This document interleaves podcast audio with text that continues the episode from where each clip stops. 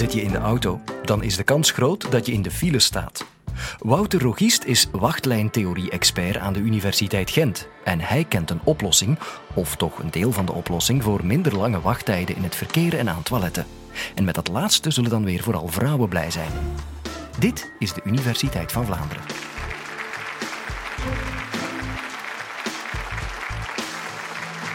Beste dames, wie van jullie ging ooit al eens naar het herentoilet? Ja, ik zie behoorlijk wat handen. Beste heren, wie van jullie ging ooit naar het damestoilet? Hm, dat zijn er al heel wat minder, alhoewel ik twijfel, het ligt misschien iets gevoeliger.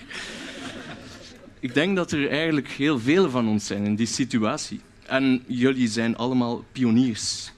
Jullie negeren het feit dat mensen ons proberen te triëren op basis van geslacht. Man, vrouw. En triëren, dat is mensen in groepjes opdelen, daar is sowieso al iets verdachts mee. En dan draait het ook nog eens verkeerd uit. Want laten we wel wezen, een toilet, dat is gewoon een bedieningssysteem. Mensen komen toe, dat zijn klanten, en die worden bediend, die doen hun ding, en die vertrekken weer.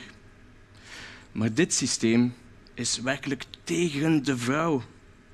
Denken we aan die ellenlange files in tankstations, in bioscopen. Onaanvaardbaar. Zijn er feministen in de zaal? Ja, ik zie toch een handje, een bescheiden handje. Misschien straks nog wat meer. Eerst naar de essentie van vandaag. Triage.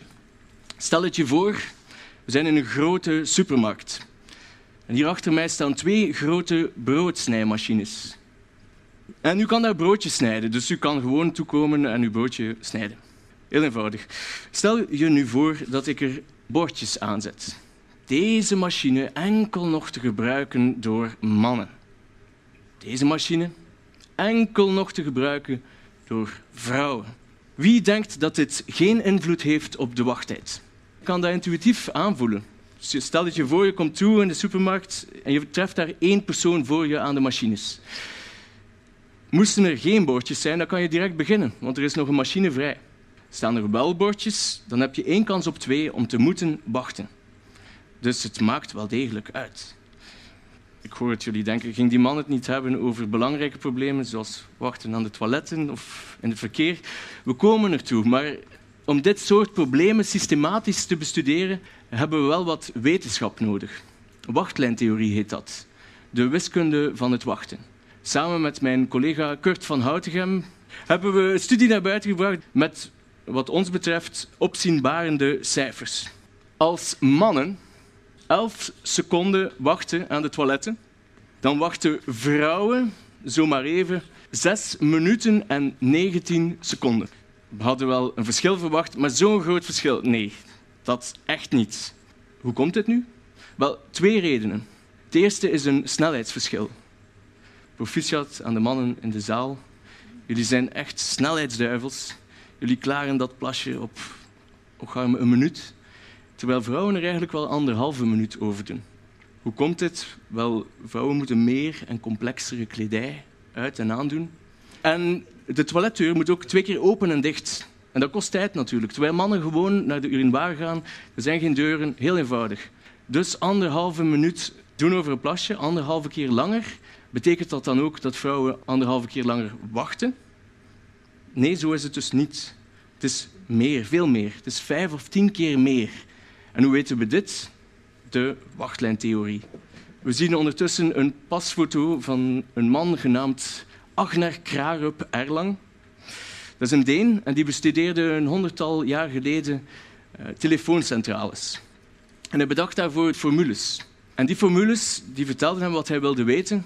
Hij wilde weten, als ik iemand opbel, hoe lang duurt het dan eer ik verbinding krijg? Dus daar gaat wel degelijk een eindige tijd over. Wel, in die tijd wordt heel nauwkeurig voorspeld met die formules. Dat was toen zo en voor moderne callcenters is dat nog steeds zo. Voor toiletten gaan deze formules maar benaderend op, maar ze geven toch wel een inzicht. Dus kijkt u even mee. De Griekse letter mu, dat is eigenlijk de snelheid van een plasje. Zo kunnen we in rekening brengen dat het bij vrouwen anderhalve minuut duurt in plaats van één minuut. En dan kunnen we uit deze formule resultaten halen. Maar die resultaten vertellen het duidelijk. Vrouwen wachten daardoor vijf of tien keer langer. Dat is veel. Maar is dat zoveel als hier staat? 11 seconden tegen 6 minuten en 19 seconden. Dat is 34 keer. Dus er is nog iets aan de hand. En dat is eigenlijk de tweede reden waarom vrouwen langer wachten. dat heeft iets te maken met urinoirs. Wat is het verschil tussen een wc-pot in een hokje en een urinoir in bovenaanzicht? En ik heb het niet over de wc-bril. Ze nemen minder plaats in. En aangezien er typisch voor mannen dezelfde oppervlakte voorzien is als vrouwen in een gebouw voor toiletten, hebben mannen eigenlijk 20 tot 30 procent meer bedieningsstations. Dus dat maakt weer een hele hoop uit. Maakt dat veel verschil? Wel, opnieuw, wachtlijntheorie. We kunnen die formule er weer bij halen. Maar deze keer is het een andere parameter. Het is de parameter T. Dat is het aantal bedieningsstations. En dat is dus eigenlijk de parameter die 20 of 30 procent hoger ligt bij de man. Halen we er opnieuw resultaten uit, wat blijkt, ja, weer veel langer wachten voor de vrouw dan voor de man. En tezamen, enerzijds dat snelheidsverschil en anderzijds die compactere urinoirs, verklaren zij deze kloof en deze 34 keer. Dit gigantische verschil. Goed, we weten ongeveer waar het vandaan komt. Keren we nu terug op die broodsnijmachines. Hier was deze triage onschuldig. Man of vrouw, wat maakt het uit? Maar bij toiletten, hoe pedant is die triage eigenlijk niet? Het is pedant, want we weten dat vrouwen er langer over doen en toch gaan we triëren op basis van geslacht. En dan geven we vrouwen bovendien nog eens minder bedieningsstations. Bij de broodsnijmachines zou dat zijn alsof je vrouwen tragere machines geeft. En ze bovendien minder geeft, bijvoorbeeld drie, terwijl je de mannen er vier geeft. Hoe gek is dat? Dat zou ook een gigantische file opleveren in de supermarkt. En toch is het vandaag de dag zo. Ik denk dat dit verschil nu wel goed in de verf gezet is. Wat gebeurt er nu als we de bordjes weghalen? In onze studie hebben we niet verder gewerkt met die formules. Sorry, meneer Erlang. Maar we hebben een gedetailleerde computersimulatie gemaakt waarin we het systeem haarfijn gaan nabootsen en tienduizenden virtueel gegenereerde klanten laten passeren, toiletbezoekers. En daarop doen we dan metingen. En we hebben dat toegepast op verschillende layouts. Ondertussen ziet u op de afbeelding drie layouts. Wel, de linkse layout, dat is de basissituatie. Apart, man-vrouw. Mannen hebben toegang tot hokjes en urinoirs. Vrouwen hebben enkel de hokjes. En daar bekomen wij dus die fenomenale tijden voor. 11 seconden voor de man, 6 minuten 19 seconden voor de vrouw. Wat gebeurt er nu als wij deze bordjes gewoon wegdraaien? Bemerk trouwens, bijzonder goedkope ingreep. Gewoon de bordjes weg. Wat gebeurt er met de wachttijd? Wel, u ziet de middelste layout. Er is eigenlijk niets veranderd, maar vrouwen hebben gewoon vrije toegang tot de hokjes en mannen hebben dat ook. Wel, nu de wachttijd bij vrouwen die daalt van 6 minuten 19 seconden naar 2,5 minuut. Spectaculair. Bij de mannen zaten we op 11 seconden, we stijgen een beetje naar 30 seconden. Klinkt toch nog steeds aanvaardbaar. Maar we kunnen nog verder gaan, want als we de architect erbij halen, dan slopen we de muur tussen de mannen- en de vrouwentoiletten en kunnen we de ruimte efficiënter gaan indelen.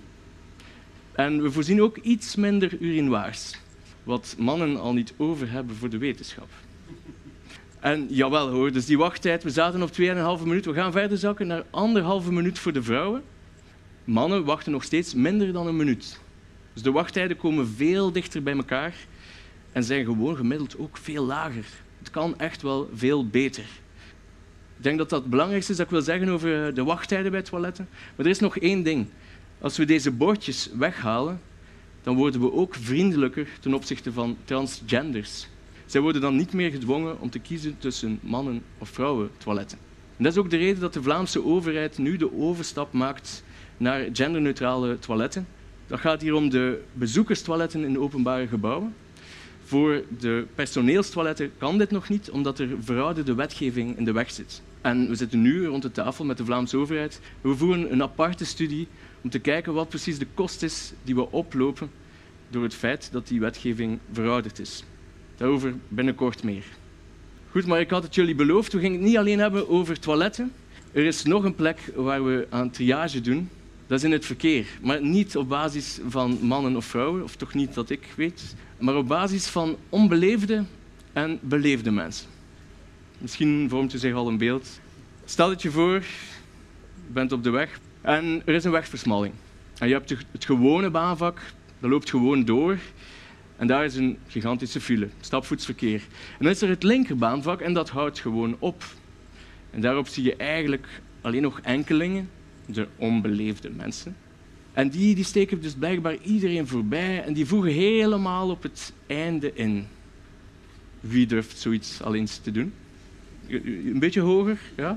Beetje hoger, ja. Goed. Dat is toch ja, een derde van de zaal.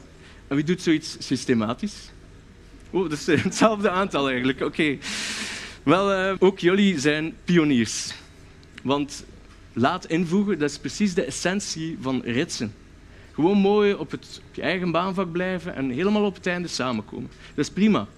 En daar zijn ook belangrijke voordelen aan verbonden. Drie verschillende voordelen. Het eerste is het feit dat we de bottleneck, de flessenhals, kunnen inkorten. Dus door het verkeer niet vroeger in te snoeren dan strikt nodig is, dus we gaan het verkeer gewoon breed houden tot aan de wegversmalling, gaat de eigenlijke bottleneck ingekort worden. En dat is een voordeel. Dat zorgt dus voor sneller oplossende files. Hoe komt dat? Wel, je moet denken, al die auto's die in de file staan, die file kan maar oplossen aan het tempo dat de bottleneck leegloopt. Dus als we de bottleneck korter maken, dan gaan we eigenlijk een meer betrouwbare en meer voorspelbare doorstroom hebben in dat stukje bottleneck. En dus ook een file die sneller oplost, want netto gaat de stroom dan net iets sneller. Prachtig voordeel. Het tweede voordeel is dat we wegcapaciteit terugwinnen. Dat is asfalt, dat dient om auto's op te zetten, dus laat het ons gebruiken. Waarom is dat dan zo voordelig? Wel, je hebt de staart van de file eigenlijk ingekort. De wagens die achteraan stonden, die komen meer naar voren. En dat is juist het grote voordeel. Dat betekent dat je minder kans hebt dat de file op het einde een of ander ander kruispunt blokkeert. Dus dat is minder file, minder secundaire file eigenlijk, die je op die manier realiseert, door laat in te voegen. En dan hebben we het derde voordeel, dat is iets subtieler. Doordat we zo mooi op ons baanvak blijven, gaan eigenlijk die files even lang worden. En wat is het resultaat? Dezelfde wachttijd voor iedereen. Nee, dat is dus niet de slogan van de Socialistische Partij. Integendeel zou ik zeggen, het is wachtlijntheorie. Iedereen dezelfde wachttijd. Dat betekent dat iedereen die in die file belandt een meer voorspelbare wachttijd heeft. En dus kan die ook beter voorspellen of dat hij een afspraak nog op tijd gaat halen of niet. En dat spreken we voor het individu. Er is ook het grotere plaatje. Laat ons eerlijk zijn, de weg is een jungle geworden. Overal zijn er files. En wij wapenen ons daartegen met apps zoals Waze, Google Maps, TomTom. En die gaan voor ons in real time alternatieve routes gaan berekenen. Om die routes te berekenen moet er ook een wachttijd bij staan. En daarvoor helpt het dus dat de wachttijd aan die wegversmallingen voorspelbaarder wordt. Dus laat invoegen zorgt dat die voorspellingen beter worden.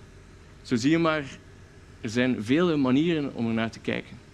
Maar keren we terug naar onze vraag. Hoe sta je minder lang in de file? Breek uit jezelf, zet die oude ik aan de deur en voeg voortaan laat in. Verander van levensstijl nu en word een late invoeger. En hoe sta je minder lang in de file aan de toiletten? Haal die bordjes gewoon weg. De toekomst is aan de genderneutrale wc's. Vond je dit college boeiend? Wil je meer horen? Bijvoorbeeld waarom je wifi niet werkt of hoeveel stress een mens aan kan? Je vindt de Universiteit van Vlaanderen podcasts op iTunes en radio1.be.